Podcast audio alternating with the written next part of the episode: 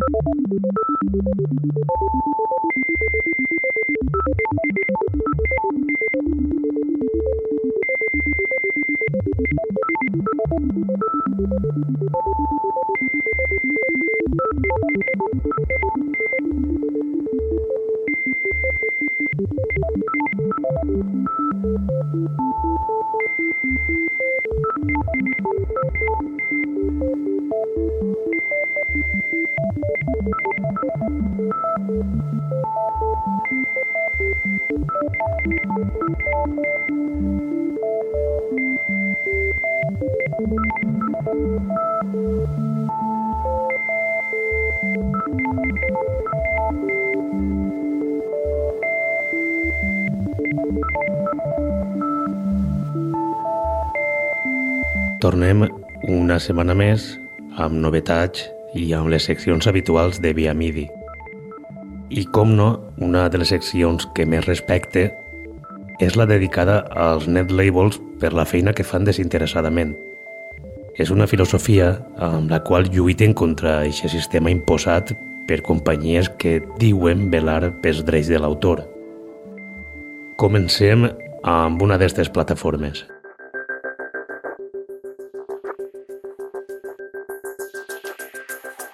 Noisy Vagabond és un net label nord-americà creat exclusivament per a publicar l'obra de Carl Martin, productor en diversos pseudònims, però com més se'l coneix és com a Transient, que és l'àlies que utilitza normalment.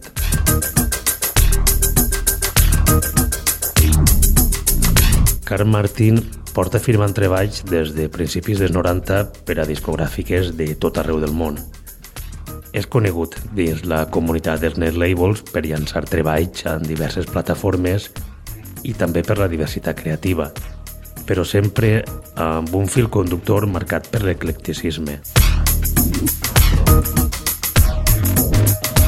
Només amb Noisy Vagabond, Martin ha firmat ja més de 50 referències en quasi dos dècades, la gran majoria com a transient, encara que els dos últims anys barreja les entregues amb nous pseudònims. Un d'ells és Fascinating Earthbound Objects, nom que inaugura per a un llançament en 2012 al net label britànic Cavi Collective i que recupera un guany primerament amb un senzill i més recent amb un mini-àlbum de 5 pistes anomenat Coordinate Points. Escoltem la segona pista d'este llançament, Lunar Surface.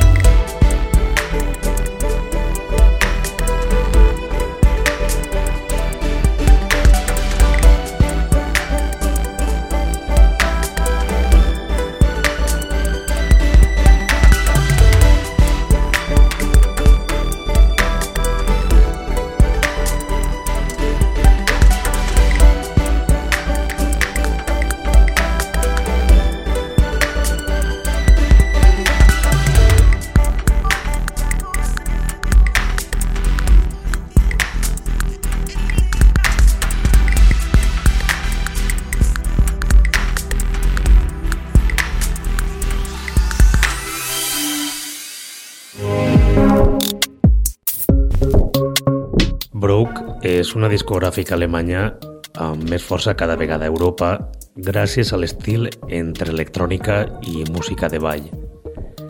És una plataforma prou exclusiva en diversos aspectes. La massificació comercial que utilitzen altres setxells amb artistes populars i festes de renom no es troba a esta firma discogràfica que porta activa des de 2004 amb un catàleg que sobrepassa les 120 referències. Pati en 36 és un productor que únicament ha publicat un treball i ho va fer el passat 1 de març a Brook. Però la discogràfica alemanya el manté amb l'anonimat i s'inventa un nom fictici per a descriure-lo com és Eric Jagger, a més d'una història gens creïble de la llarga trajectòria d'aquest artista. Einkleiner tot és eixe treball de Patient 36, un treball que destaca per la influència amb l'EBM. Full és el tema introductori. primer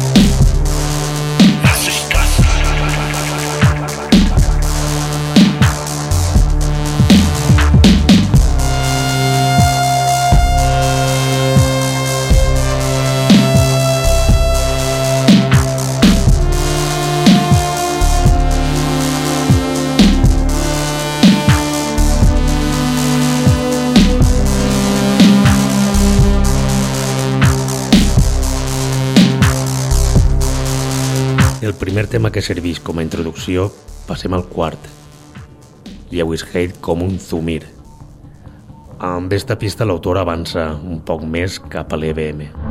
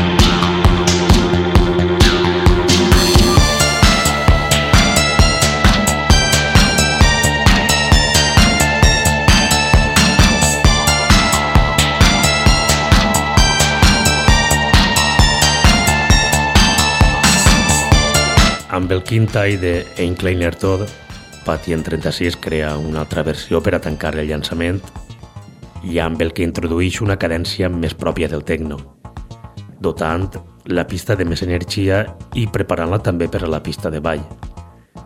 Però el que anem a escoltar és el tema original. Esta quinta pista s'anomena Der Klein Todd.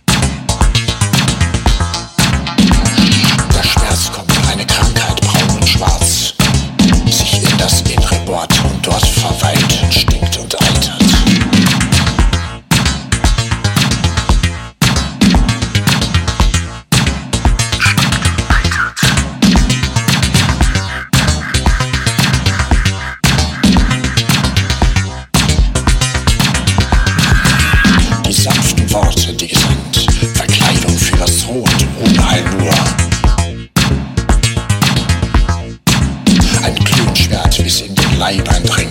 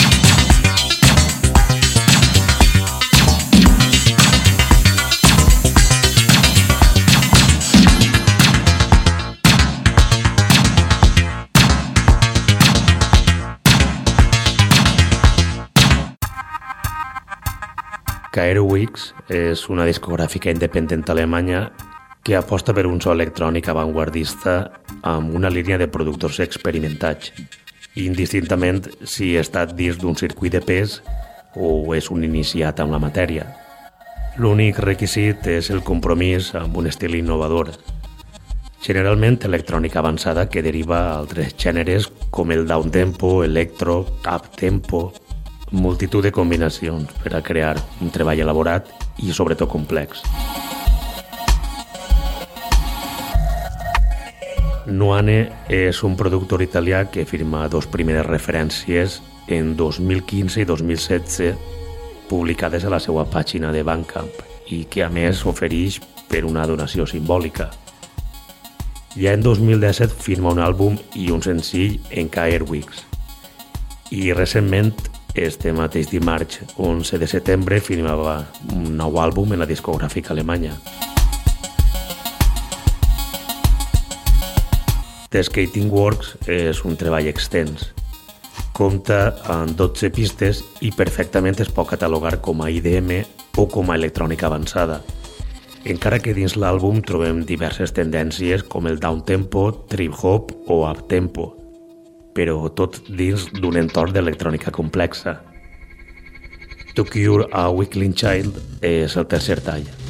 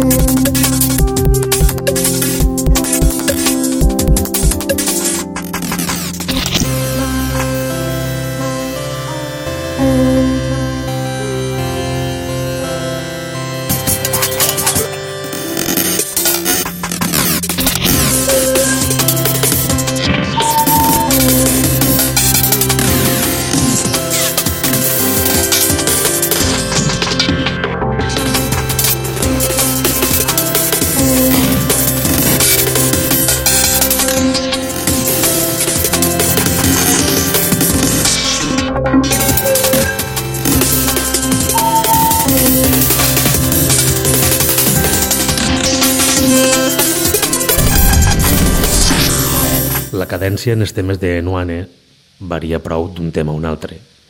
El que hem escoltat és un up-tempo que recorda prou a obres d'Afex Twin per eixa complexitat rítmica i de mètrica accelerada, però és dels pocs temes que van sobrepassar de BPMs. La majoria de pistes o no sobrepassen els 120 o 125 BPMs o inclús molts d'ells estan prou per baix i continua sent un treball d'electrònica experimental.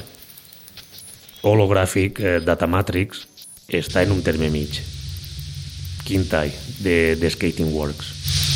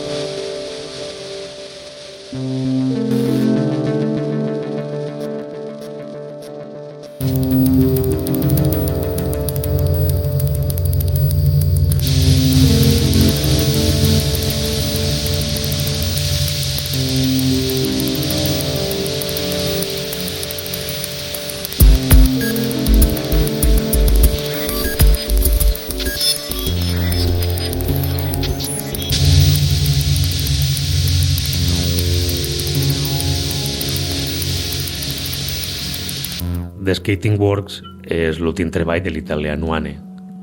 Es va publicar este passat dimarts, 11 de setembre, i el podeu adquirir per una donació que considereu apropiada únicament a Bandcamp. Symphony Opus 21, Ruggines Creighton, és la dècima pista d'este àlbum. Un tema que s'ha d'escoltar atentament i amb un bon monitoratge per a poder apreciar que és una creació digna de qualsevol compositor contemporani. Personalment, em sembla una meravella.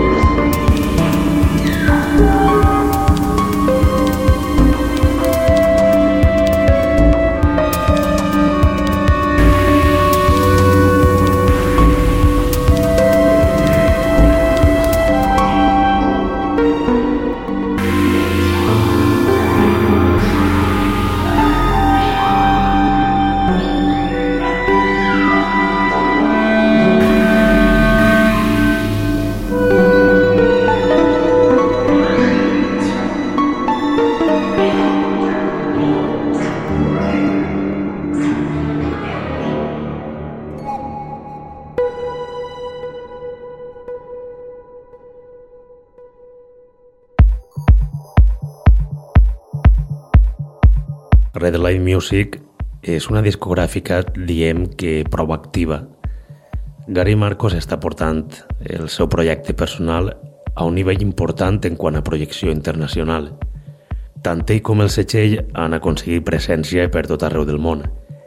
I és que la constància i creure amb el que cadascú fa és imprescindible per a triomfar.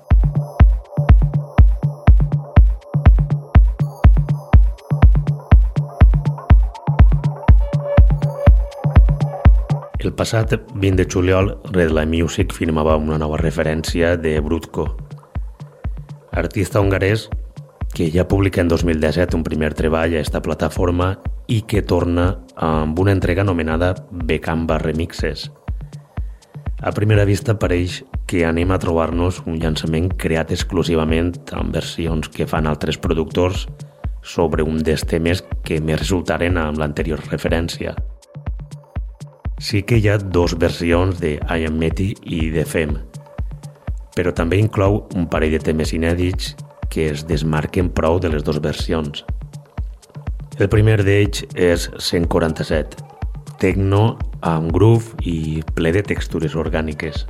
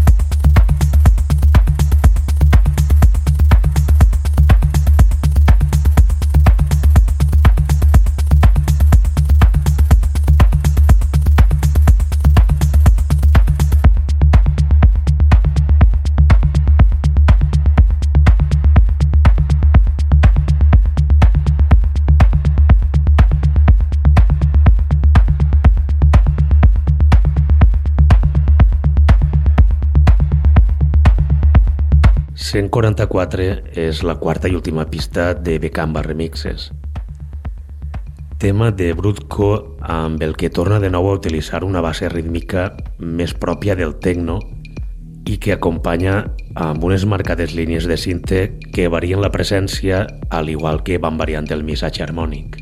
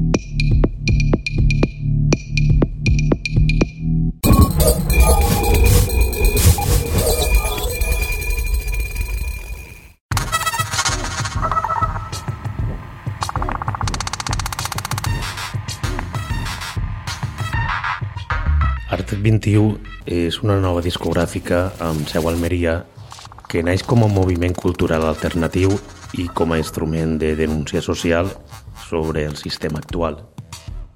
Una plataforma pensada per a dissenyar paisatges sonors que estimulen sobretot la reflexió.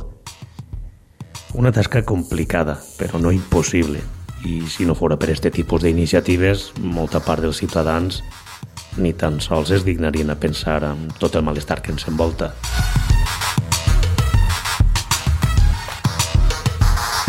Art 21 és un projecte que estrena a catàleg el passat 11 de maig amb un llançament de diversos artistes publicat en forma de vinil, format que reitera de nou per a una segona entrega que es publicarà el pròxim 25 de setembre.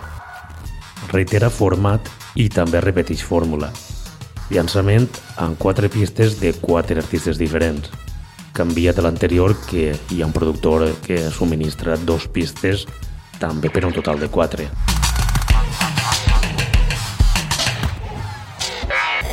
The Art of Deceiving the Look és esta segona referència d'Art 21 formada per temes de Delusions, Octavian, Drongost i Animatec.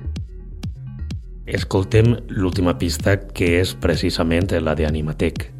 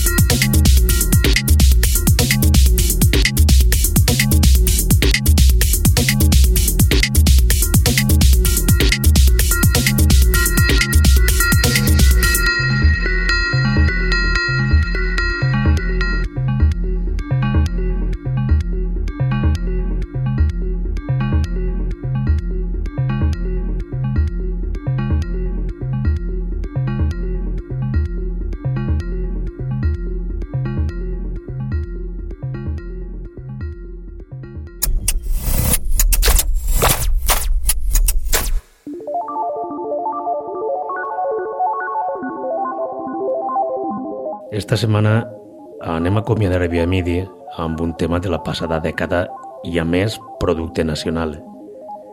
Amb el català Iñaki Marín, artista que a dia d'avui està inactiu i que va pertànyer a una comunitat d'artistes que gaudiren de pes per allà el 2004-2005.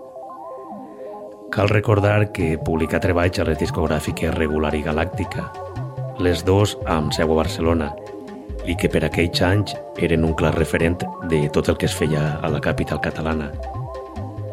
Hi havia un vincle de productors catalans amb prou pes com era el cas del propi Iñaki Marín, també de Suade Squad, Iaumetic, Maurice Aymar o fins i tot podem incloure a Pablo Bolívar, que residia a Barcelona i era també part d'este grup d'artistes que feien més suportable l'escena del minimal. Iñaki Marín publicà en 2005 l'únic àlbum de la seva carrera. Regular acollia aquest gran treball anomenat Clint Eastwood, del que recuperem el tema que dona nom a l'LP recomanat per Diego Manzaneque. Vos espere la pròxima setmana en Via Midi. Salutacions de Ximo Noguera.